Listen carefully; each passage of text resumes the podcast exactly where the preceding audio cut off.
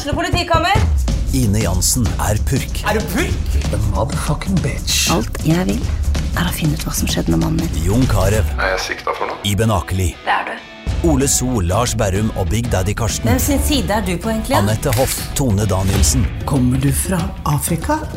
Jørnis Josef, Nesten. Kløfta. Trond Espen Seim, Det er synd å si det, men det var feil mann som døde. Purk. Premiere tirsdag på TV2 Play. Ungsamtalen fra DNB er økonomisk veiledning tilpasset deg som er ung. Bokk en ungsamtale på dnb.no. slash ung. Det er kjempebra hvis du skal inn på boligmarkedet, hvis det er drømmen din, liksom. Det er det du skulle sagt. Og så kunne du ropt litt mer, da, sånn som jeg gjorde. Bam! Åh.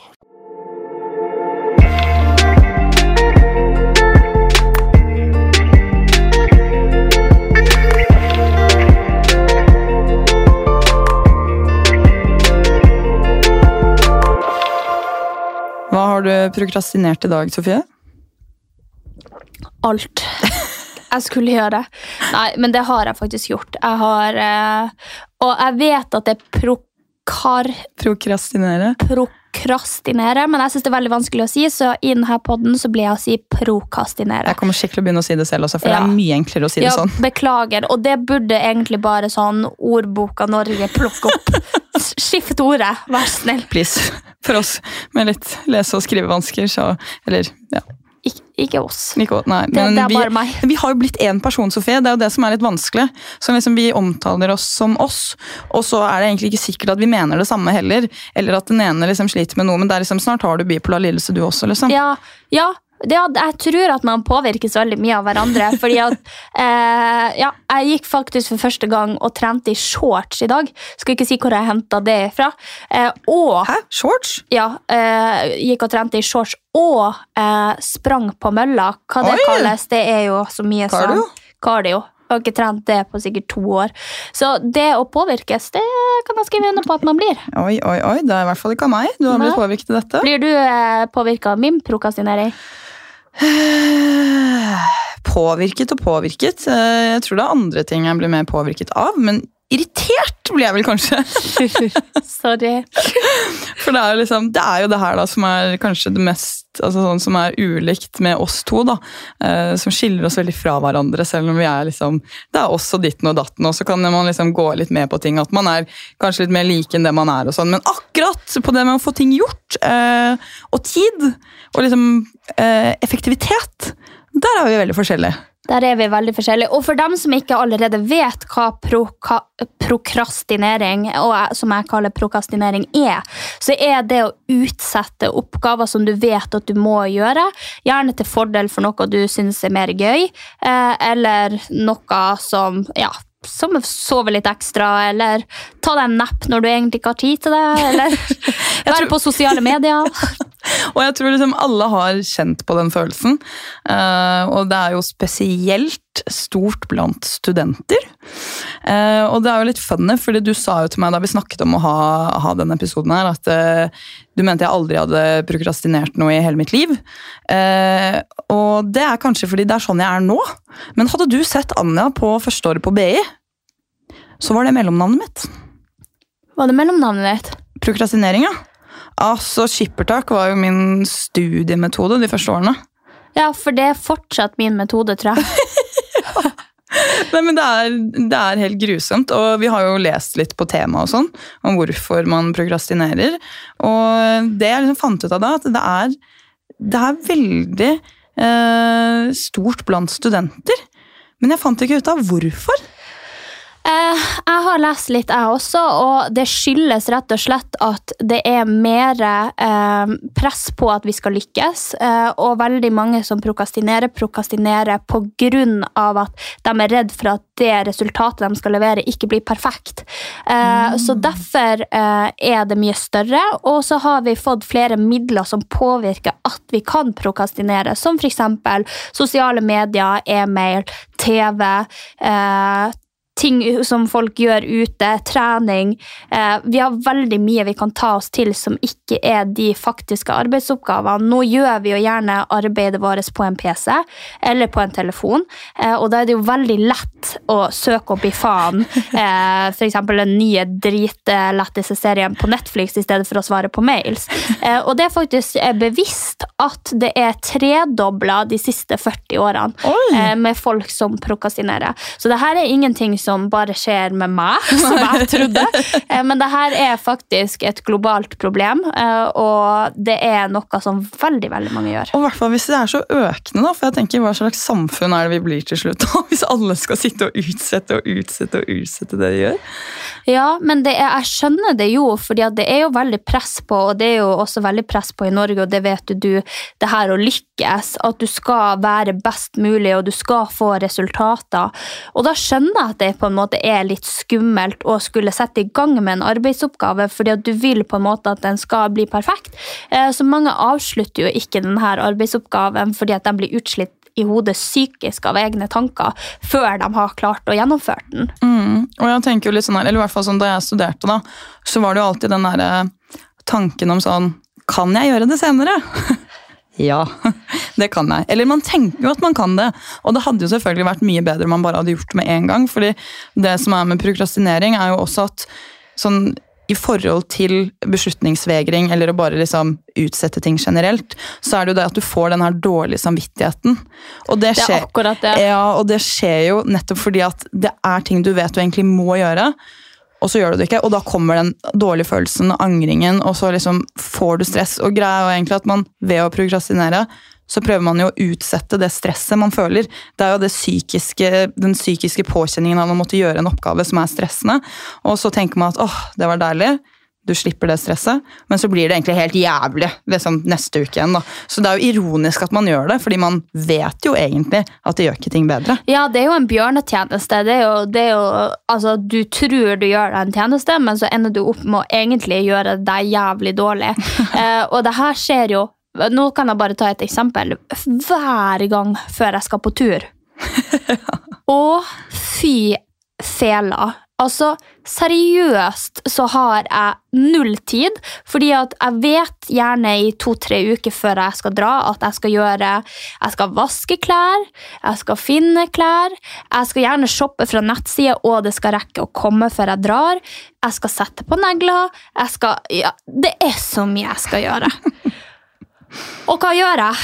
Jo, prokastinere. Så da har jeg liksom alt jeg skal gjøre siste uka. Så jeg har ikke tid til å treffe venner, jeg har ikke tid til å treffe den jeg dater, jeg har ikke tid til å trene. Spille inn pod. ja, spille inn pod har jeg heller ikke tid til, fordi at jeg har så mye å gjøre. Og det her er jo et problem, fordi at du blir jo sliten av det, og så føler du alltid at du henger litt bakpå. Eh, Du har aldri god samvittighet, fordi at du vet at det er noe som henger over deg som du gjerne skulle ha gjort. Eh, Og så gjør du, jeg har i hvert fall en tendens til å gjøre all, alt sånn her halvhjerta. Eh, og da, selv om jeg gjør litt av det, så har jeg fortsatt samvittigheter over at jeg ikke har gjort det ferdig. Sånn at jeg klarer ikke å liksom kose meg i stunder der jeg burde kose meg, fordi at jeg vet at det er noe som henger over meg som jeg heller burde gjort. Uh, så ja, jeg er faktisk mm, tatt meg i skinnet og må jobbe med det her. Eh, jeg synes det er veldig lett å si, fordi at prokastinering er jo sånn at ja, da sier du at du skal jobbe med det, men så venter du en uke eller to eller tre eller fire. Så det, Det er litt som den treninga man skal starte med. Jeg tar det på mandag. ja, Mandagen kommer aldri. Nei, for det er der dørstokkmila ligger. Noen sliter med trening, jeg sliter med prokastinering. Men du sliter hele livet ditt med prokastinering. Ja, hele livet mitt er Noen sliter med trening, jeg sliter med hele livet. ja, ja, men det, Du kan si kødda, men det, er, det beskriver meg veldig godt. Men det er eh, Ja, jeg vet ikke Fordi men hvorfor tror du at du har så problemer? Fordi Jeg vet jo at det var i studietiden min, og det var på en måte, det var ting som var gøyere. Jeg tok det ikke helt like seriøst som jeg burde. Jeg tenkte alltid at det var en mulighet for å ta igjen den tapte lesingen. Jeg visste at jeg var god på skippertak. Jeg vet at folk sier at det ikke er sant, men det funka for meg. Og jeg kunne sikkert liksom fått A i snitt, men så fikk jeg B, og liksom, det var fornøyd med det. Eh, hashtag snikskryt. Ja, du, der fikk jeg litt Vent litt, jeg skal bare svelge det gulpet jeg fikk i halsen. Det Det var ikke sånn jeg mente, men altså, for min del som Jeg kunne fått A, men jeg fikk bare B. Men jeg er fornøyd. Ja, det var faktisk veldig Ja, okay, var- men jeg gikk en veldig lett linje. Jeg tok en enkel bachelor i forhold til hva man kan ta, så det er jo selvfølgelig mange som ikke kan ta skippertak, men akkurat det jeg gikk, det var, det var eh, Gud, nå føler jeg meg som en sånn roman som sitter og ror i båt, men eh, Du ror med gafler. ja. Jeg bare sier sånn til produsenten at dette skal klippes ut. Nei, dette skal med. Dette skal med. Men eh, i hvert fall da jeg plutselig fikk, fikk jobb, da, eh, så måtte jo det her endre seg. fordi da får man på en måte de, det eksterne presset da, på deg til at det er noen andre som forventer at du må gjøre noe. Og du har tidsfrister som du liksom må forholde seg til. Så da liksom endret det seg for meg. Og jeg tror at det var bare at jeg var egentlig litt lat i studietiden. og liksom Var litt svimsete og ville være liksom Var det plutselig et event, så dro jeg på det, for jeg ville være spontan og liksom ikke liksom visste så mye hva jeg ville med fremtiden min. da. Men tror du liksom at det er det samme for deg? At liksom struktur kunne hjulpet? Eller hvorfor tror du at du har endt opp fordi det har jo sikkert blitt verre? Eller har det alltid vært sånn? Jeg tror jeg, det er for at jeg har sertifikat i å kose meg. eh, og fordi at jeg på en måte, når jeg gikk på videregående, eh, så har jeg jo snakka om før i podden at jeg ble veldig deprimert. Og jeg tror at jeg knytter min depresjon til alle de tingene jeg gjorde på videregående. Og videregående er jo sist gang jeg på en måte hadde noe å forholde meg til. Eh, Var det da du jobbet som vikar også? eh, nei, det var et år eller Ja, det var de to årene etterpå. Ja, ja. Men det var på en måte ikke å forholde seg til noe fordi at min mamma jobber også der. Det er to meter over veien så jeg er på jobb. Jeg sto jo opp ti minutter før jeg skulle ha undervisning. Liksom. Ja. ja. Kaos uten like. Så da er liksom videregående sist gang du hadde ordentlig struktur? Ja. Og liksom noe Eh, du måtte for å Ja, fordi da hadde jeg liksom I Mehamn er det jo sånn at der har du ingenting å gjøre, så det eneste jeg måtte, var jo å våkne opp, ha på meg klær og være på jobb til klokka fire. Og det klarte jeg veldig fint. Men når jeg var i Alta, så var det liksom sånn Du skulle komme deg til skolen, du skulle være der presis, du skulle studere, du skulle gjøre lekser, du skulle på en deltidsjobb, du skulle trene, du skulle være med venner, du skulle lage mat, du skulle vaske klær, du skulle vaske leilighet. Ja, for du Det bodde så- alene? Ja, det var så veldig mye du skulle gjøre, og da måtte jeg ha en tidsplan for å rekke alle de tingene. Eh, og jeg ble jo som sagt da veldig deprimert, og jeg tror jeg knytter det å være deprimert til det å forholde seg til ting. Eh, fordi at det sleit meg ut, og jeg hadde null energi, eh, og jeg er jo ikke lat, men jeg har vel kanskje mindre energi enn folk flest. Det vil jeg tørre å påstå. Eh, og etter det så har jeg jo på en måte levd litt på gefühlen. Jeg har mine egne foretak som jeg styrer helt sjøl. Eh, jeg sitter og jobber hjemmefra. Jeg sender de mailene jeg har lyst til. Jeg jobber med de folkene jeg har lyst til. Eh, jeg går på trening når jeg har lyst til det. Altså Alt i mitt liv handler om at jeg styrer den hverdagen sjøl. Og da tror jeg at jeg syns at det har vært veldig vanskelig å få ting gjort til en tidsfrist, fordi at jeg vet at livet mitt ikke har en tidsfrist sånn som det er nå, fordi jeg bestemmer alt sjøl.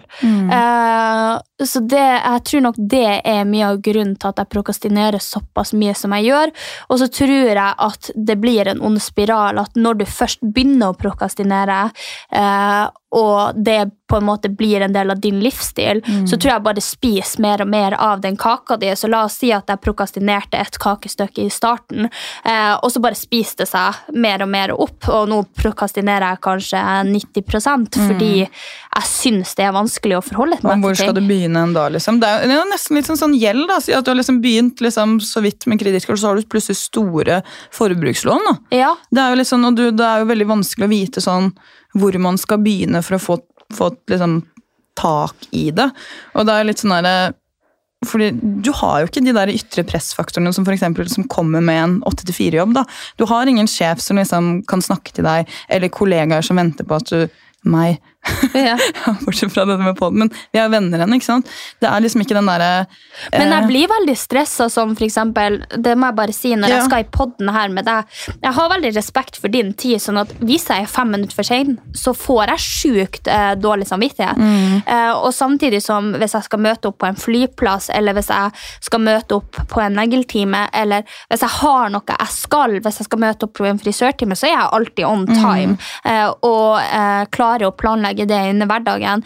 Men det er det essensielle, som f.eks. å gå på trening, svare Svare på på, en mail, Mm. svare på en melding, eh, svare på en telefon eh, Det er jo også sånn at jeg har regninger eh, og har råd til å betale dem, og har alltid penger på konto til å betale dem, men lar dem gå til inkasso gjerne to til tre ganger før jeg vet at nå må jeg faktisk betale dem. Sånn at jeg synes at ja, sånne hverdagslige ting syns jeg er sjukt vanskelig, Ja. og det tar sjukt på. Men tror du at det kan være fordi konsekvensene ikke er store nok? da? For de sier at du ikke svarer på en melding, liksom. Det er jo, ikke, det er jo ingen som kommer til å ta deg for det, sånn liksom utenom at noen sier sånn ja, det, det, faen, du svarer aldri, og så kan man le det bort, liksom.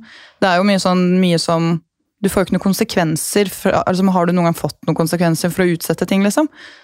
Ja, jeg får jo konsekvenser for å utsette ting stadig vekk. Det er jo sånn som at eh, for eksempel jeg får en mail om samarbeid, og så eh, lar jeg være å svare på den i to-tre dager, så er jo gjerne samarbeidet tatt når jeg da rekker å svare.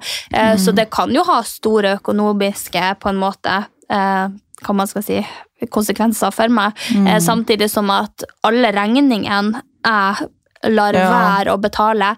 Jeg er sikker på at jeg betaler like mye i gebyr som jeg betaler i regninger.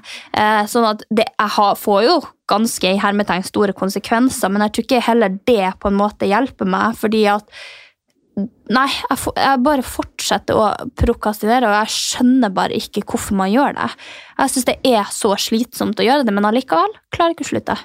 Nei, men det er jo litt den der, fordi da jeg leste litt om det her, så er det jo veldig mange det er mange forskjellige grunner til at man prokrastinerer, og så er det også eh, måter man kan på en måte avvikle den atferden på. da.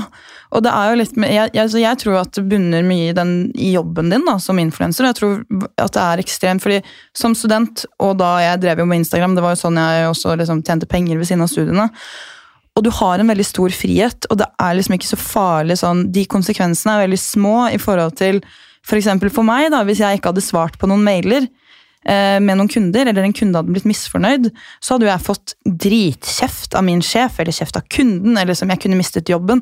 Det er veldig store konsekvenser da, eh, hvis jeg ikke svarer på de mailene kontra liksom, Jeg skjønner jo at du også mister samarbeid, men det er kanskje ikke noen andre personer enn deg det går utover, da. Hvis du skjønner hva jeg mener? Sånn, for min del så går det utover hele selskapet til de jeg jobber med, og en sjef. Så jeg føler liksom på det eksterne presset der. Mens for deg så er det liksom Du styrer din egen business. Det er liksom deg Kan det ha noe med saken å gjøre, tror du? Ja, det tror jeg absolutt kan ha noe med saken å gjøre. Fordi eh, du har jo et større Eller jeg føler i hvert fall større ansvar overfor andre enn jeg føler overfor meg sjøl. Selvfølgelig jeg kan bli dritskuffa over meg sjøl noen ganger, men som du sier, in the end så er det jo bare deg sjøl det går utover. Så det kan absolutt ha noe å si. Men hvordan på en måte kom du deg ut av det? For du sa jo at du gjorde det når du gikk på videregående. Hva var liksom grunnen til at du slutta å gjøre det? Har du blitt lykkeligere, eller syns du også det å gjøre ting nå med en gang kan ha noe med at du liksom føler deg dårlig om dagene fordi at du har det her eksterne presset? Nei, det er jo det der som blir litt sånn Fordi greia var at på videregående var jeg veldig strikt. Jeg gjorde alt, liksom. Sånn, var veldig flink pike og skulle få alt gjort. Og jeg var jo på en måte deprimert da også. Eh, men det var liksom i studietiden hvor ting ble fritt. altså sånn da er så mye opp til deg selv, da. At det er, det er jo litt den her med sånn selvkontrollen som liksom jeg kanskje ikke helt hadde. Ja, det er jeg ikke. Nei, ikke sant? Så det er, den, det er jo den man på en måte må få kontroll på, samtidig som man føler seg så jævlig fordi man ikke får kontroll på det. Men som jeg har nevnt tidligere i podkasten, så er det jo denne her 8-4-jobben som faktisk har reddet meg, og som fikk meg altså sånn, Ved å ha den 8-4-jobben da når jeg startet rett etter bacheloren, så hadde jeg, selv om det var press, så var det et positivt press. Og jeg tror liksom det er det du også kanskje mangler. fordi gjør du en jobb til fristen, eller gjør du en bra jobb, så, så får du Hvis du jobber på en vanlig arbeidsplass, så får du liksom så skal du få ros. Du får liksom en tilbakemelding på at arbeidet du har gjort, er bra. Men du har kollegaer du snakker med, du har liksom sånn du har et nettverk, da, og du vet at du er nødt til å gjøre disse tingene for at den skal bli glad, og så er det hyggelig å se at den blir glad. Det er hyggelig å få til noe. Det er hyggelig liksom det føles godt da, når man faktisk gjør noe, eller når man har stått opp og dusjet og liksom kommet seg på jobb til åtte, og liksom, du er der, ok, så jobber du en halvtime overtid, og så er det sånn, så føles det bra, fordi at du får til noe.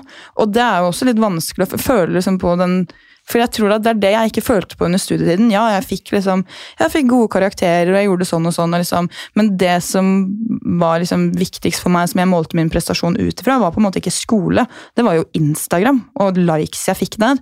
Og det er på en måte en så eh, uoversiktlig sånn, sånn eh, bekreftelsesplass at jeg tror man forsvinner veldig liksom det der å ikke få ordentlige, konstruktive tilbakemeldinger.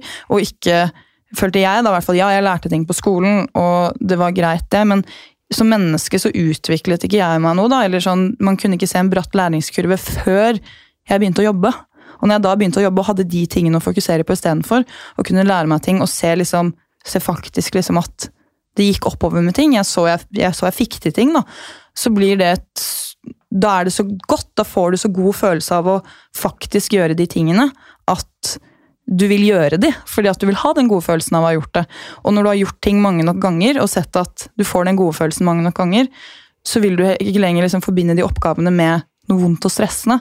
Fordi det er jo den der, man er jo redd for å liksom, ja, stresse og si noe som jeg har hatt en dårlig periode. Så kjenner jeg jo veldig på det, fordi da er det stresset forbundet med noe som er vondt og som er kjipt. Og da er det ekstremt mye vanskeligere å skulle sette i gang med ting også, fordi at det stresset man føler på, fører ikke til noe positivt. Det er liksom Man svømmer for å på en måte holde hodet over vann, istedenfor at man liksom ja, ror i en båt og liksom er på vei et annet sted og man skal se noe fint det veldig Det kommer veldig an på sinnsstemningen min, da, fall, om jeg prokrastinerer eller ikke. Er det en god periode med syklotimin, så er det liksom ting supert. Så er det en vanlig periode nøytralt, så må jeg lage, da må jeg gjøre noe for meg selv. Hvis det er en drittperiode, så må jeg jobbe enda mer. Og det er liksom, jeg har løst det med lister og planlegge dager. Hva skal jeg gjøre når? Og det her måtte jeg jo lære masse av der jeg, jeg jobber nå også. Fordi at eh, sjefen min er ekstremt god på å være tidseffektiv. Eh, og selv om jeg på en måte var litt strukturert fra før og alltid har likt lister, så har jeg på en måte lært så mye av han. da, og liksom på en måte den inndelingen av dager, timer, hvordan effektivisere det du gjør, hva kan jeg gjøre nå? Og det har på en måte påvirket meg i det daglige livet også, så hvis jeg skal Si jeg skal ned med et eller annet i kjelleren, da, så, liksom, faen, så, så tar jeg med ting, flere ting som skal opp samtidig. Skal jeg sminke meg, sånn som når vi var i Miami nå, da. Skal jeg sminke meg, og jeg vet at jeg skal pakke med meg sminken, så sminker jeg meg med det ene produktet, legger oppi, sminker meg med det andre, legger det andre oppi. ikke sant? Sånn da, da, må jeg ikke liksom sminke meg, så pakke. Da sminker jeg og pakker samtidig, og sparer mye tid, da. Jeg skjønner hva jeg mener? At det blir den derre kombinasjonen av hvor kan man spare inn tid, da. Men igjen så kan jo det også bli jævlig stressende. Ja, det kan jo det, men jeg, jeg kjenner sånn uh, Sitter og hører på deg nå, og så bare vet jeg at jeg har to søppelposer som står på verandaen som jeg ikke har orka å bære ned, for at jeg alltid har så dårlig tid når jeg skal ut døra. Og det er jo også fordi men hvorfor får du dårlig tid? For, uh, fordi at jeg er en tidsoptimist. Men hvorfor er en, Hva er det du bruker tid på? Siden du ikke klarer å liksom, fordi du, altså sånn, Hadde du vært på jobb åtte til fire, og du hadde kommet hjem halv fem og skulle vært et sted klokka fem, ja. så skjønner jeg liksom det. Men når du har hele dagen på denne ene tingen, som å komme til pod, hvordan klarer du å være sein da? Og ikke si trikken er for sein da. Nei. Fordi det er jo en grunn til at du ikke på en måte altså At du ikke planlegger å være der ti minutter før. da. Ja, det er sant, men i dag så skal det sies eh, det, Jeg kan ikke helt fortelle hvorfor, fordi det er ikke Nei, men sånn generelt, da. Hvor, hvor, altså, hvorfor jeg ja, Men det er fordi er at jeg tror, jeg tror Ok, så la, la, oss si at jeg ser på telefonen, så ser jeg ok, nå er det 30 minutter til at jeg skal gå. Mm. Uh, og så begynner jeg å gjøre meg klar, men så finner jeg ikke AirPodsene, og så må jeg hente nøklene, for at, sant, igjen, jeg er ikke strukturert, sånn at jeg har ikke de tingene klart til å gå ut døra. Nei. Og så plutselig finner jeg ut at nøkkelen er borte. Og så må jeg sant, hele runden for å se etter den. Så finner jeg AirPodsene mine i en eller annen jakke som jeg brukte i forrige uke. Men du kan uke. ikke gå uten AirPods? Jo, jeg kan jo egentlig det. Men i, i dag så skal det sies at grunnen til at jeg var sein, eh, var fordi at jeg var på trening, og jeg hadde beregna god tid i dag. Eh, så jeg hadde 20 minutter fra trening på Sats, og det vet jo du hvor er, fordi mm. det er nesten rett attmed der du bodde, og da tar det 15 minutter ned hit. Men da måtte jeg innom og kjøpe en Yt, for jeg hadde vært på trening og jeg var så sulten. Så jeg tenkte jeg hvis jeg skal klare å komme meg gjennom denne podden, men så tenkte jeg det er svipp-svapp. Men så var det lang kø på butikken, så, okay. da, da, gikk tida. Så, men det her var bare for å forklare ja, men, ja, men jeg skjønner, jeg, jeg skjønner liksom dagen i dag, og jeg skjønner, men når du har gjort dette 100 ganger, skjønner du ikke at liksom når du skal inn på butikken da, så det sånn, så må du beregne mer enn to minutter fordi det kan være kø, eller fordi du ikke kan finne de tingene du skal. Så liksom hvis du ser på klokka, og det er liksom et kvarter til du skal være her, og det tar et kvarter å gå, at du tenker sånn, da kommer jeg ti minutter for sent hvis jeg velger å gå inn og kjøpe den. Jo, men jeg kom bare fire minutter for sent. Nei, men sånn, sånn, nå tar jeg bare eksempel, jeg snakker ikke om i dag, det, altså, men bare sånn, for jeg prøver å, jeg prøver å liksom skjønne det i forhold til hvordan jeg tenker på ting. da. Ja. Hvis jeg ser sånn Men du har jo alltid jævlig god Du har jo mer enn god nok tid, så du, Nei, nei, har, du er jo gjerne før ting. Ja, men altså sånn Hjemme hos meg så blir jo Herman dritsur på meg fordi at jeg alltid er sein. Men det er fordi at han for han da, så er tiden til andre såpass viktig at du skal ikke komme fem minutter for sent engang. Så jeg får jo kjeft for Herman, for, liksom, ikke kjeft da, men han er veldig sånn, vi skal være der, hvis vi skal noe sammen, så skal vi være der presis. Å komme et kvarter for sent, det er frekt, for det er liksom han oppvokst med. Og jeg har liksom lært meg sånn slumringsmonn på liksom sånn, ja ok, det er greit å komme kvarter, halvtime for sent. Hvis du skal på vors eksempel, så synes jeg det er greit. Skal du på en innspilling, så er liksom kvarter, så er det liksom, ja ja, det er ok. Uh, men, og mens for han så er det liksom sånn, det er hva man har lært opp til, da, og liksom Ja. vaner og hva man syns er frekt. Ja, men, det, men, men det, Mamma har jo lært meg opp til at det er kjempefrekt. Hun blir jo dritsur hvis folk er for sein, og meg også inkludert. Jeg får masse kjeft for det hjemme. Mm. Så jeg tror også at det handler om hvordan du er sjøl som person. Eh, For det kan godt være at du er oppvokst med at det er frekt å komme for seint, men igjen, er du en prokastinerer eller en som er veldig ueffektiv, og i tillegg kanskje har et snev av tidsoptimisme eh, Men det kan jo læres, da. Ja, det kan læres. Absolutt, det kan det, men, men eh, da er det veldig vanskelig. Ja, og jeg, og jeg skjønner det fordi altså, sånn, altså, vet du hvor langt, altså, På videregående så brukte jeg, jeg begynte å ordne meg klokka to på dagen hvis jeg skulle på vors klokka sju. Ja. For jeg, og, da bruk, og da hadde jeg dårlig tid når jeg skulle dra. Men det er jo fordi at man soser. Og fordi at man sitter på mobilen, og så er man ikke sånn Man må lære seg å være effektiv, tror jeg. da. Og litt sånn som, Jeg har jo ikke alltid vært sånn av natur, jeg heller. Sånn, liksom, sånn som dette med sminken, eller sånn som med den pakkingen. eller liksom, øh, Bare det at jeg blir fort ferdig å sminke meg. det er jo liksom sånn, jeg, jeg vet sånn, og jeg altså, spør noen av de andre venninnene mine, liksom, jeg brukte jo to timer på å bli klar før. Bare for at man liksom jeg tror man også bare, man, Og så skal man liksom svare på den meldingen. Så skal man gjøre sånn, og så skal man gjøre sånn. Og så ligger man litt i sengen, og så gjør man litt sånn. ikke sant, sånn der, Det Nå- høres ut som du beskriver meg nå. ja, Nå har vi jo vært på tur sammen, så jeg har liksom Det skal sies at jeg pleide altså, Jeg var ferdig ganske ofte før deg. Men vi var, vi var gode på å liksom holde men, tiden du, der, ja, men du, der var vi faktisk alltid on time. Ja, Noen få minutter for sene, men Når da? vi har alltid vært fem minutter over, kanskje, noen ganger. Hvis vi skulle steder. Nei, men han Mm. var for sen, han òg. Nei, vi var faktisk alltid på tid. Var vi det? Ja. Alltid på tid. Det var vi, og han var jo sjokkert over at vi var det, for at de sier jo gjerne en halvtime før, sånn at man skal kunne komme en halvtime Ja, etter. Vi ja. var alltid på tid. Men det var litt digg. Men igjen, jeg tror at det funker veldig godt å være sånn effektiv som du skriver, og skrive lister og sånn. Eh, men så tror jeg også det handler for oss Nå er det veldig lett for deg å si, for at du lever en sånn livsstil, og da er det sånn Ja, det her kan man gjøre, men for folk som skal starte med det her, så tror Mm. jeg også det handler om For det er jo så, sånn som med trening, liksom, at hvis du syns det er vanskelig å trene, så går du ikke seks ganger i uka. Nei, nei, og det er ikke det jeg sier heller. Og starter starte fullt på. Så jeg tror at det, det som jeg har lest litt om nå, for at jeg har jo som sagt grunnen til at jeg ville prate om det her i podden, er jo for at det er noe jeg har lyst til å forbedre, Mm. eh, og som jeg har lyst til å bli bedre på, fordi at det er irriterende for meg, det er irriterende for andre, eh, og det fører til mye tull som egentlig ikke trenger å være der. Eh, men jeg tror at det eksempel å bare stå opp og reie senga, eh, stå opp og lage den frokosten med en gang du står opp, at du har på en måte sånne små ting du føler at du mestrer i hverdagen, eh, og så er det sånn, ja ja, men hvis ikke jeg klarte for eksempel å skrive den mailen før klokka to, eller ikke klarte å eh, gå på det møtet eh, før dagen etter, så er det sånn, men da har jeg allikevel klart å oppnå noe, og jeg tror at det er også sånn som du sier, at man må ha en følelse av at man har klart å oppnå noe i løpet av en dag. Hvis du bare lar alt ligge, ved senga ser ut som dritt, eh, badet ser ut som dritt, eh, du har det kanskje ikke system i kjøleskapet, eh, så tror jeg det blir veldig vanskelig, men hvis du begynner med de små tingene, få struktur på de, så tror jeg det er veldig enkelt å på en måte komme seg inn på den veien, Ja, da, bare for å på en måte ha tatt ett skritt i riktig retning. det. Og det er det som er så sjukt viktig, at man må, man, må, man må begynne et sted. ikke sant? Og sånn som for deg, så sier jeg ikke at du skal bli som meg på liksom en uke.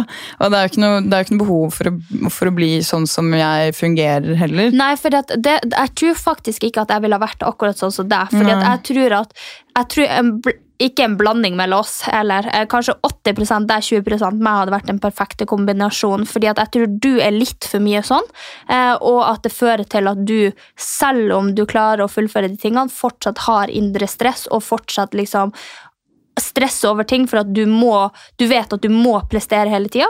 Eh, og så har du meg som tar litt på gefühlen. Så jeg tror at en god blanding der hadde vært mye bedre. Eh, men jeg tror aldri jeg kunne ha blitt eh, sånn som du, for da tror jeg jeg hadde slitt meg ut. fordi at jeg har ikke det energinivået. Men det skal sies at det øker, da. For det, jeg, så, altså jeg kjenner, det, tingen er at jeg kjenner det så godt igjen fra liksom, jeg studerte og hadde fri og bare drev med Instagram og chillet. Liksom. Det var det er som en trening, da. Du orker mer til slutt. ikke sant? Og jo, liksom, de få steppene Jeg var jo helt sånn Hvordan skal jeg klare å ha en 8-4-jobb? Det var jo mareritt for meg. Jeg skjønte ikke liksom Jeg klarte så vidt å gå i de forelesningene jeg skulle, fordi jeg var så sliten og jeg bare Hva, hva skal jeg gjøre nå? Men så er det da liksom, de, jo flere skritt du tar, jo så plutselig så klarer du å løpe, da, på en måte. Og jeg sier ikke at man skal bli nazi og på en måte føle på det stresset, fordi når man kommer til dit på en måte eh, kanskje jeg er. Sånn, for jeg oppfatter jo at du syns at jeg er mer strukturert enn det jeg egentlig er. For jeg vet at jeg kunne brukt tiden min mye mer effektivt på veldig mye annet. Eh, men så må man finne en måte å koble av, så det stresset ikke liksom plager deg. For det er jo det som kan skje med meg, at hvis jeg ikke lever opp til liksom det jeg har sett for meg, eller rekker innom tre bursdager på en kveld, så får jeg indre stress, eller så, liksom, så kommer jeg halvhjerta på ting fordi at jeg skal liksom prøve å eh, rekke alt og liksom gjøre alle fornøyde. Eh, men, så det er liksom den at man må også se sin kapasitet, da, selv om man faktisk prøver å være tidseffektiv. Men øh, jeg syns det er en fin, øh, fin start å re opp senga. Jeg øh, har ikke fått noe ut av det, dessverre. må jeg bare si. Ja. Det er, sånn, det er tipset liksom, når man er deprimert og alt, men det, det har aldri funka for meg. Men det funker for veldig mange jeg vet om. Ja. Vi snakket jo senest med noen i forrige uke som sa at liksom, det er Det er to go. Og jeg tenker man må ha det ryddig rundt seg og på en måte være strukturert, så tror jeg det hjelper mye i hverdagen. Men for min del så har jeg det kaos øh, i, i den senga, så jeg rer aldri opp senga. Nei, nei, for det er jo litt forskjellige grunner da, for å bare si at det er forskjellige grunner til at man prokastinerer. Eh, det er jo grunner som at eksempel, som jeg nevnte tidligere, at du kan være deprimert. Eh, det kan også være tegn på voksen ADHD. Eh, det kan også være at du er livredd for å feile, at du er en perfeksjonist og da ikke tør å gjøre oppgavene fordi at du ikke tror at den skal bli perfekt, og derfor prokastinerer dem og ikke får dem gjort. Mm. så det er veldig mange grunner til at man prokastinerer. Eh, så ja, eh, det er jo noe man burde på en måte få en guidance på, og jeg vet at også det hjelper å snakke med psykolog om de her tingene, for da får du på en måte, som vi har snakket om, redskapene til å kunne endre en atferd som du ikke liker hos deg selv. Eh, fordi det er veldig vanskelig å skal slutte å prokastinere hvis du har eh, altså på en måte at du skal styre det selv, for det er jo du også som gjør at du prokastinerer. Det er jo den selvkontrollen. Det er vi har selvkontrollen, snakket ja.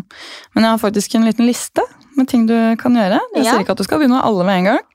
Ja, jeg har en liste, og første, første ting på listen er eh, lag en liste over viktige ting du må gjøre. Og jeg syns, det er veldig digg, fordi da får man den oversikten over hvor mye er det jeg må gjøre, og hvor stor kapasitet har jeg, og å være realistisk på den tiden det faktisk tar, og gjerne liksom sette av mer tid enn det det egentlig tar. Jeg prøver liksom, Beklager, Herman, jeg vet at du ikke er enig i dette her, men jeg prøver liksom alltid å tenke at jeg skal være ferdig et kvarter før jeg må dra. Jeg er aldri det, men da må jeg prøve å tenke det sånn at jeg faktisk er det. Uh, ja, ikke være overoptimistisk eller pessimistisk på tid, så det også er. Vurder igjen. Del større oppgaver i mindre deler. Det er viktig. Eller det kjenner i hvert fall jeg på når jeg har de dårlige periodene mine. Så da når jeg skal ned med en søppelpose, sånn at eh, da bærer de en trapp ned, og så tar jeg en pause, telefonpause, og så deler jeg det opp, og så kjører jeg den neste neste Altså, jeg, jeg er veldig jeg, nå, nå som jeg ikke bor hjemme, da, vi bor jo hos uh, svigerfar akkurat nå, så er jeg litt sånn der, og jeg plutselig har en, søppelbøt- en søppelpose fra badet, så er jeg sånn, jeg har ikke lyst til å gå opp trappa fra kjelleren opp med den. Så gjør jeg faktisk det. Da knyter jeg den, og så setter jeg den utenfor døra. Og så venter jeg til neste gang jeg skal opp trappa, så husker jeg den også, ikke sant? for da er det sånn, faen, der er den, ja, ok. Så da gadd jeg ikke å gå helt opp, men da går jeg og setter den utenfor døra, så er det sånn, ja, ok, nå må jeg ta den med. Og det er jo på en måte... eller- Ja, da har du jo gjort det halvt. ja, og hvis man på en måte, eller hvis det er noe annet, da, som f.eks. å skrive um, egenmelding, så går det liksom an å på en måte Ok, denne dagen så samler jeg kvitteringene mine. Eller denne dagen så ser jeg på eh, Ja, Å, liksom- herregud, ikke nevn det Ja. en gang med årsregnskap og hele pakka. Å, Men altså sånn, da er det på en måte det er, det er sånne små ting du kan dele det opp i. da. Og så er det veldig viktig å skrive ned ting i kalenderen. Frister og liksom sånn Ja, men det det gjør jeg faktisk. Ja, har- ja. Fordi at jeg har så lite struktur at jeg får ikke med meg noe hvis ikke Jeg setter alarmer på å henge opp klærne som jeg har vaska i vaskemaskin. Mm. Eh, Jeg setter alarmer på å legge pass i veske. Jeg, setter alarmer på å eh, vaske trusene mine. Eh, og så setter, jeg i, så setter jeg alt annet i kalender, som f.eks. samarbeid, eller hvis vi skal Mm. på et event, eller et eller annet som jeg virkelig skal. Da setter jeg det i kalenderen, fordi jeg glemmer alt.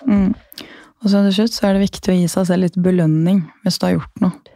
For jeg tenker sånn, Si at du på en måte si, for Nå tenker jeg liksom jobbrelatert. da, så er det jo litt sånn, Hvis du legger ut et bra Instagram-innlegg som ikke er samarbeid, men så er jo det jobben din, det også. Selv om du ikke liksom får betalt for det, så er jo det, et, det er jo jobben din.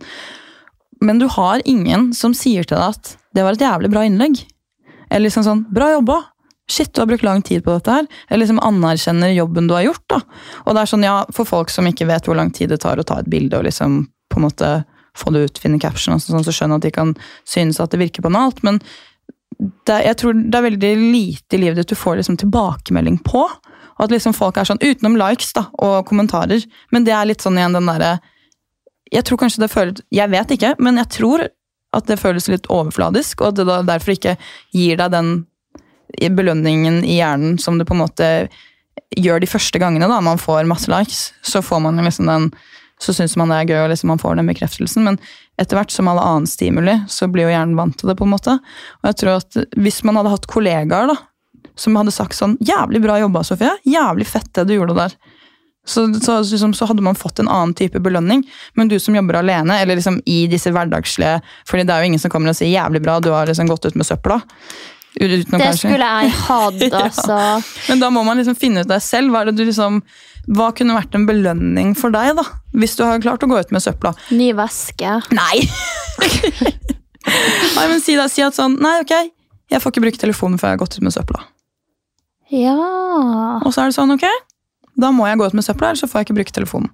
Ok, da går du ned med søpla opp, og så får du bruke telefonen. Og gå på Instagram. Det er sant. Mm. Det skal jeg bruke, men altså, igjen, null selvkontroll. Sånn at selv om jeg sier det, så, så blir jeg bare på telefonen på tur ned med søpla. Nei, men det er, det er latterlig vanskelig. Ja. Det er kjempevanskelig, og jeg, på en måte, jeg har ingen gode svar på hvordan sånn For jeg, jeg tror det har veldig mye med livsstil å gjøre, som vi liksom har snakket om, og at man trenger man trenger de der belønningene da, for at man har gjort noe, eller liksom, at man har klart noe. og si Man bor alene, man liksom, vasker du leiligheten din, så er det sånn må, det er, det er ikke, Samboeren din kommer ikke hjem og sier sånn Oi, så «Shit, fint det var her. Nei, men det kjenner jeg for min egen del i hvert fall har blitt veldig sånn eh, strukturert på siste tida. Å ha det rent rundt meg Ja, hjelper meg veldig. Sånn som når jeg står opp til en frisk og fin leilighet holdt jeg på å si, som er helt strøken. Ikke sjuk leilighet. Nei, ikke sjuk leilighet. Frisk leilighet. Så, så syns jeg det er helt sinnssykt digg. Og da kommer jeg fortere i gang med Ja. de tingene jeg skal gjøre. fordi jeg står ikke og tenker 'Å, fader, jeg skulle gjort det', eller 'Å, fader, der henger den vasken'. Der er det. Sånn, så da, da er det sånn, da er det helt plain og sterilt, og da kan jeg sette i gang med det jeg skal gjøre. Men hvis man starter dag Du kan ikke, fordi du trener vel kanskje liksom på sent på dagen? Fordi, men om det, fordi det er jo litt sånn, det er jo veldig lystbetont for deg. Kunne du liksom stått opp, og så redd sengen, og så gått på trening, og så komme tilbake, dusjet og liksom sånn Nå skal jeg svare på mail. Og liksom, eller prøvd å lage en timeplan, da, kanskje, som du Ja, men Det har aldri funka for meg å gå på trening på morgenen, men jeg burde begynne med det, ja. fordi at da kommer man seg litt i gang. Men da, er det gjerne, da kan det gjerne skje at man har en dritt-treningsøkt, eller en tung treningsøkt, og så kommer du hjem, og så er du sliten, og så skal du belønne deg sjøl. Og så er det bare sånn, og så sitter du på telefonen, og så har du brukt de timene.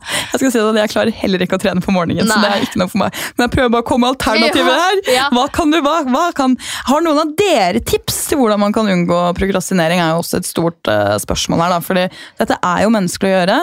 Og det er jo på en måte, det er ikke en psykisk sykdom, men det er et problem. Uh, men det går an å bli bedre på det, og det er jo ekstremt vondt å gå og ha det som du har det også. fordi som du sier, det er ikke det at du er lat, og det indre stresset du føler på når du liksom eh, ikke svarer på den meldingen, da. Selv om folk tenker Eller nå vet jeg ikke hva folk Jeg vet at jeg blir sånn faen, din bitch, nå ser jeg at du er pålogget der, men du svarer ikke meg. ikke sant? Så er det liksom Det gjør vondt for deg også å ikke svare.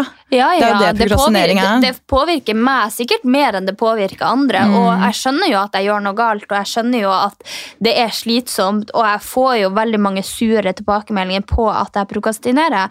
Men så er det bare det der at du gjør det likevel, og det er kjempe, kjempeslitsomt å gjøre det, og det er kjempeslitsomt for folk rundt deg. Så jeg har også lyst på noen historier om eh, prokrastinering, og gjerne hvis noen har kommet seg ut av det, og hvordan Mm. dere kom dere ut av det. Fordi at du sier at det ikke er en psykisk altså, tilstand Lidelse, mm. eller lidelse, men jeg tror faktisk at det henger veldig i hop med hvordan du har det inni hodet ditt. Eh, Jeg tror kanskje det har Det er nok et symptom si. av en annen diagnose, vil Ja. jeg tro, sånn som du sa i stad. Så Sofie, Ja. er, du, er du deprimert, eller har du ADHD? Jeg er deprimert med ADHD. Voksen ADHD. Nei da, jeg, jeg er ikke helt sikker på hva det er, men, um, men uh, det Eller så er det struktur og rutine. og liksom, Ja. Hvis du hadde kommet igjen, Men hva hadde du følt, da? Bare sånn på tampen her, Hvis du hadde måttet plutselig jobbe åtte til fire? Du vet ikke, Jeg klarer ikke å tenke meg at jeg skal gjøre det engang. Nei. Jeg synes det er helt Unnskyld, jeg vet at sikkert 90% 99% av dem som hører på, jobber sånn. For meg, det er utenkelig. Det er helt jævlig å tenke Men er det pga. presset og liksom den at man må prestere og være der og liksom oppfylle krav da, og tidsfrister og sånn? Eller er det liksom fordi at du føler er slitsomt med åtte timer? Eh, begge deler. Ja. Eh, jeg tror at det er fordi at jeg ikke har noe sånn godt forhold til å forholde meg til andre og deres forventninger. Og så syns jeg det også er slitsomt å stå opp veldig tidlig på morgenen, eh, fordi at jeg er et nattemenneske. Og det å skulle stå opp klokka åtte og være på jobb til klokka fire, da tror jeg ikke at jeg hadde hatt energi til noe annet den dagen. Oi, skjønner du hvordan jeg har det? Ja, nå skjønner jeg litt hvordan du har det. Nei da, men ja, jeg skjønner det veldig godt.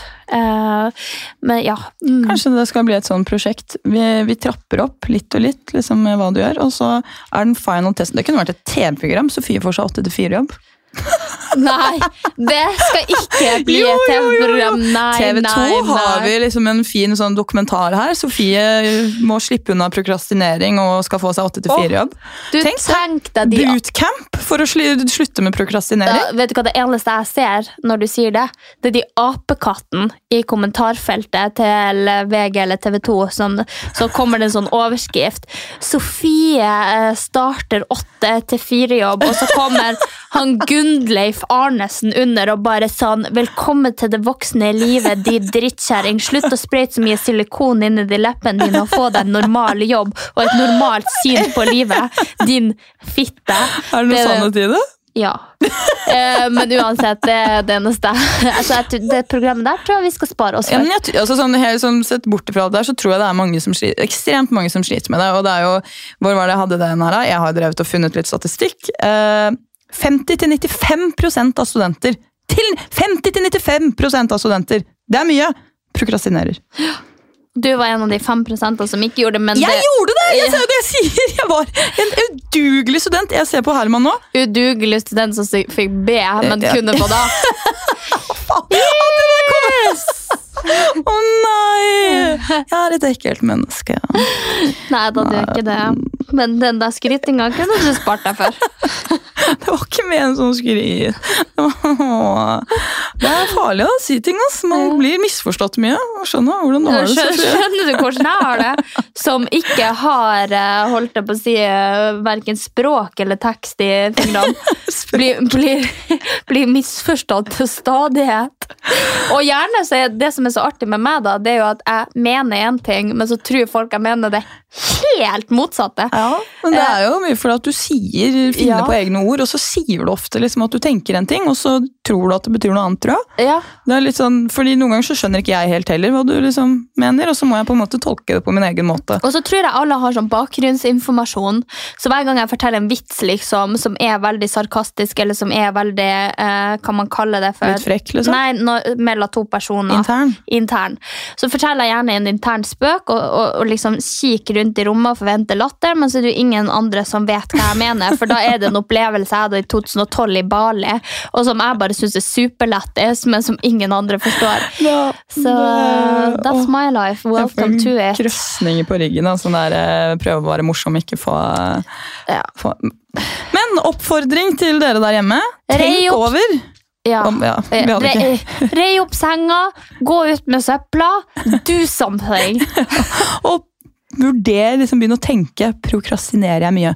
Og for dere som syns det er vanskelig å ikke liksom være på mobilen, så er det en app som funker jævlig, som har funket veldig bra for meg, hvor du samler poeng for liksom hvor lenge du ikke er på telefonen. Så da jeg startet å jobbe etter studietiden, det er faktisk et eh, tips jeg glemte å si, så hadde jeg på den, la mobilen der, og da liksom samlet jeg poeng som jeg kunne kjøpe ting med. da. Så, da liksom sånn, så hvis jeg prøvde å ta telefonen, så var jeg sånn Nei! Å, jeg har hatt den i 15 minutter, jeg må legge den ned igjen. ikke sant? Og så kunne man se hva vennene på Facebook hadde gjort. da, så man liksom konkurrerte om å være den som hadde vært minst på telefonen den dagen. Eh, Det funket i hvert fall for meg, fordi da sjekket jeg ikke telefonen lenger, eh, eller så lenge. Og og sjekke telefonen, det tar mye tid. Jeg tror kanskje det eneste som kunne funka for meg, det er en sånn der boks som låser. Har du sett sånn som låser godteri bort i så og så mange dager eller så og så mange timer? At jeg hadde en sånn timer. Men jeg hadde sikkert klart å knuse den boksen Ja, også. jeg tenkte Du kan jo skru av internett, men det hadde du jo bare plugga igjen. kanskje. Ja. Nei, jeg tror, og Uansett om jeg hadde fått meg sånn boks med timer, jeg tror du hadde sett en Hvor mye har du i skjermtid, egentlig? Skal jeg sjekke? Ja. Nå var jeg jo på spa på, Hallo. på, på fredag, så da har jeg sikkert spart inn litt, for da var det ikke lov. Vi var på The oh, ja, Well, ikke oh, ja! Ah! og da er det ikke lov å ha. Og vi Nå var jo jeg du der i skulle si at du liksom hadde vært der så lenge, men sånn generelt i uken. Skal vi se skjermtid uh, har Snitt per dag. Ja, Ok, hva er din? Eh, den, var, den var først noe, og så ble den mindre. Men den er 5 timer og 14 minutter. Oi, min er 7 timer og 44 Ja, ok, minutter. Det var ikke så, så ille. Men vi, altså, det skal jo si at vi jobber fra telefon også, men hvis du går inn på det, så kan du se hva du bruker Ja, men- mest tid på. Ja, men jeg jobber også fra telefon. Ja, det var det jeg sa. Vi gjør det. Altså, sånn, du, er i den, oh, ja. du er i Wien der også. Men hvis du går inn på Se all aktivitet, mm. og så ser du hvilken apper du bruker mest tid på. Ja. Ja, på denne, på denne uken så har jeg brukt 11 timer og 17 minutter på Instagram. Har du? Mm. Oi, jeg har bare brukt fire timer. Hvor mye har du brukt på Jodel? Uh, skal vi se 11 minutter. Hæ?! Den uken! Du kan ikke se på uke, du ser jo på dag. Oi. Du som bytter der. Ja. Nei, uke. Hæ? Uke. 11 minutter på denne her uken? Og Instagram fire timer. TikTok eh, fire timer. Å ja! Og Du er på denne uken. én time. Ja. Nå skjønner jeg. Ja, fordi der har jeg faktisk tre timer på Instagram. Ja. Jeg hadde på hele forrige uke. Altså liksom hver dag. Å ja. eh, Så hvis du, kan, hvis du sveiper den sånn, Hæ? sveiper liksom hele den der timen, så Ja. kan du komme på neste uke. Ok. Å, fy fader. ja. Eh, skjerm, vil du vite skjermtid totalt? Ja. 48 timer. På en uke? Ja. Ja, Men altså, snitt på seks timer, det syns jeg faktisk ikke er så Nei, altså, nei, fordi jeg har faktisk eh, 38 timer på skjermtid totalt. Oi! Eh, men altså sånn, igjen Se på jo, hun som har fått seg en date som hun setter pris på. Å ja, du? Ja. Men Instagram, hvor mye hadde du der på en uke? 19 timer. 19 timer. Og Jodel på en uke? Uh, Tenk hvor mye tid du kunne spart på å slette Jodel. 54 minutter. Hæ?! Jeg hadde forventet latterlig mye mer. altså. Nei. Har du begynt å slutte med det? Nei, men jeg er liksom bare inne og sjekker fort om det står SK. og så er jeg egentlig ikke så veldig mye interessert i det annet enn det. Nei, jeg bruker bare å sjekke egentlig for å bare se om det står noe om meg sjøl. Jævlig dårlig uvane. Eh, men-. Men, men så er jeg sånn, altså jeg sletter det jo annenhver dag. Ja, og så har jeg den sletta i to dager, og så Ja. hører jeg et eller annet, og så laster jeg det ned, og så sletter jeg igjen. Eh, dårlig uvane. Men jeg skal slutte helt med det, for jeg har skjønt at de som sitter der. Unnskyld, jodelfolk, men det er jo ikke folk jeg ville ha tatt noe livsadvice fra. Mm, sånn uansett, så uansett om det hadde vært positivt eller negativt, de som sitter der inne og skriver stygge ting om folk, det er sånne folk som satt i hule eh, på steinaldertida. Det er liksom, og jeg, ser- jeg ser for mitt- meg typen som sitter der og skriver de stygge tingene. Det er folk som er kjempeusikre på seg sjøl, som sitter Mm. på barnerommet sitt og ikke har noe bedre å gjøre. Så det er bare sånn jeg burde ikke ta det som en sikker sånn her er- Kilde, ja, konstruktiv kilde. kritikk. Kilde. Og så er det jo gjerne sånn som vi har snakka veldig mye om, at de som syns noe positivt, de skriver det som regel ikke. Og de som, de som er oppegående, Mhm. sitter jo ikke på Jodel Nei, det er akkurat det. Og jeg tenker at og skriver. Nei, og, fordi, og man bruker ekstremt Bare tenk hvor mye tid de har som kan sitte og liksom undersøke alt dette her, og liksom er så opphengt i livene til, til disse folkene. da, At de skal sitte og liksom vite alt og skrive alt. Så jeg tenker sånn, Ja, de vet jo mer enn meg om meg. ja, Det er jo helt sjukt. Så jeg tenker at det, det er kanskje ikke de man bør fokusere på. Og så har du en annen her som sitter og kommer med kritikk over bordet, dessverre. Hvem er? Meg? Ja, du, du har en annen en som sitter og gir deg kritikk. Å ja, du gir meg kritikk? Gjør Ja? Hvis jeg syns noe er negativt, så gjør jeg jo det. Ja, det gjør du jo. Altså, og det er jo sånne man, sånne man skal høre på. Man skal høre på sånn som meg! ja, du, I dag var det veldig mye ja, selvskritt her. Jeg mente de nære relasjonene er de man skal høre på. Ja. Ikke liksom en random på jodel. Men Så- derfor er jeg, vet du hva, jeg setter så stor pris på at jeg har deg som venninne, og at jeg omgjenger meg med de venninnene og de folkene som jeg har rundt meg. For i det siste så har det vært et kjent problem at uh, folk ikke er så veldig hyggelige mot meg. Uh, og det er liksom sånn som jeg og Anja snakka om før denne episoden, for å bare uh, ta en 360 ut av temaet. Eh, så er det sånn at hver gang jeg har data noen, så har jeg liksom fått trøbbel med de personene som har vært i deres tidligere liv. Enten om det er ekser som har fått seg nye kjærester, og som har vært slutt med i to år, så er det veldig sånn kultur for å bry seg om at eh, eksen deres begynner å holde på med meg. da. Det har vært et stort problem.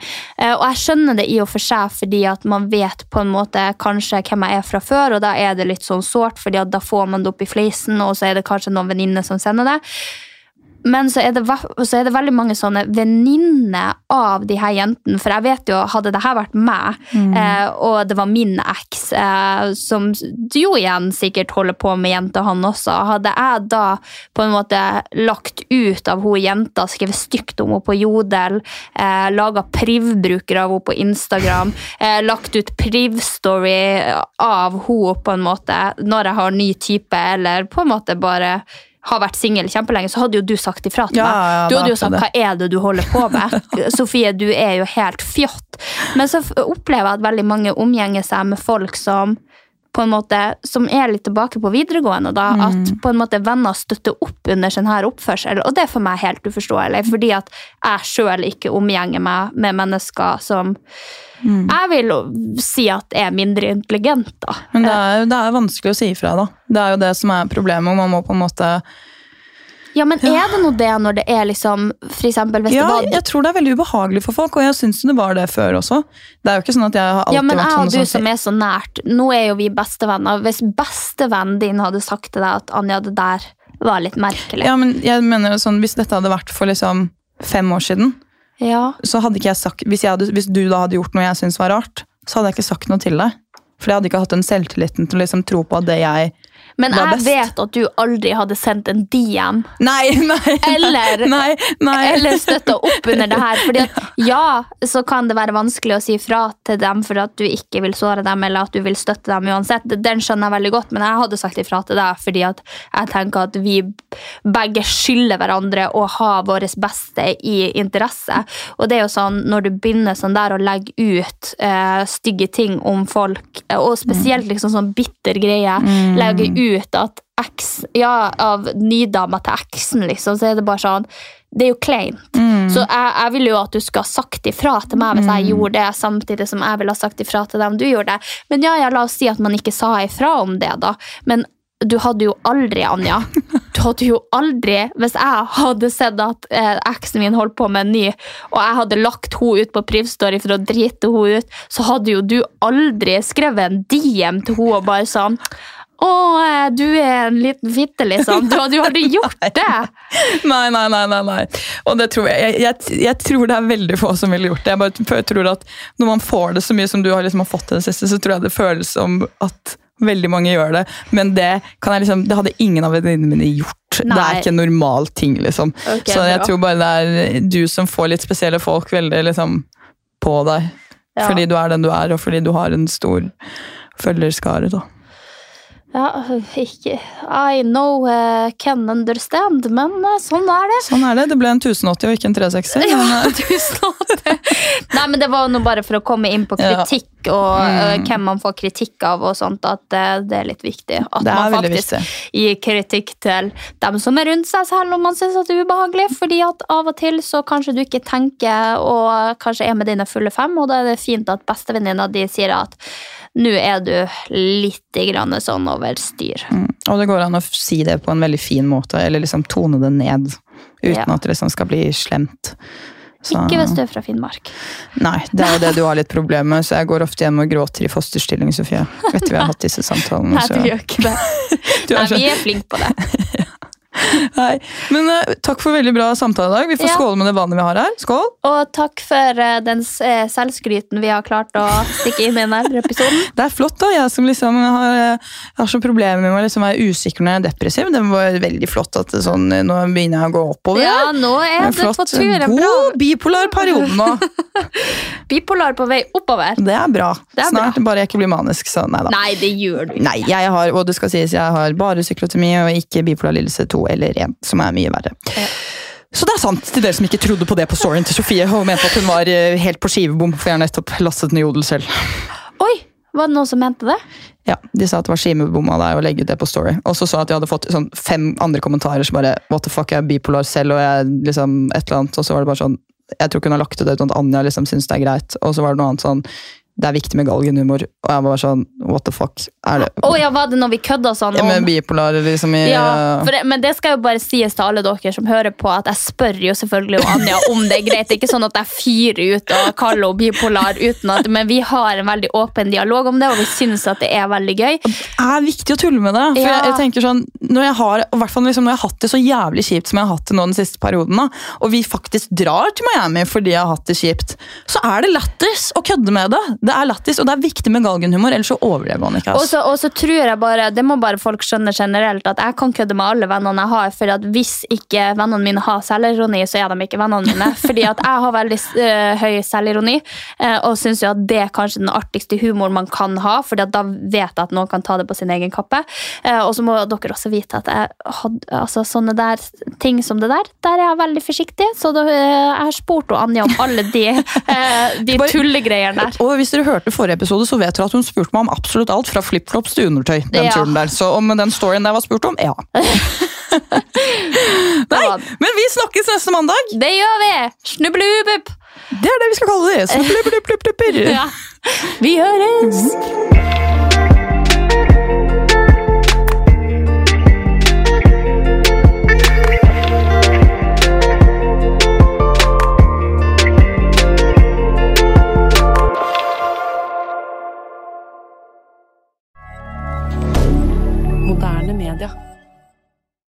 Har du et enkeltpersonforetak eller en liten bedrift? Da er du sikkert lei av å høre meg snakke om hvor enkelt det er med kvitteringer og bilag i fiken, så vi eh, gir oss her, vi. Fordi vi liker enkelt. Fiken superenkelt regnskap.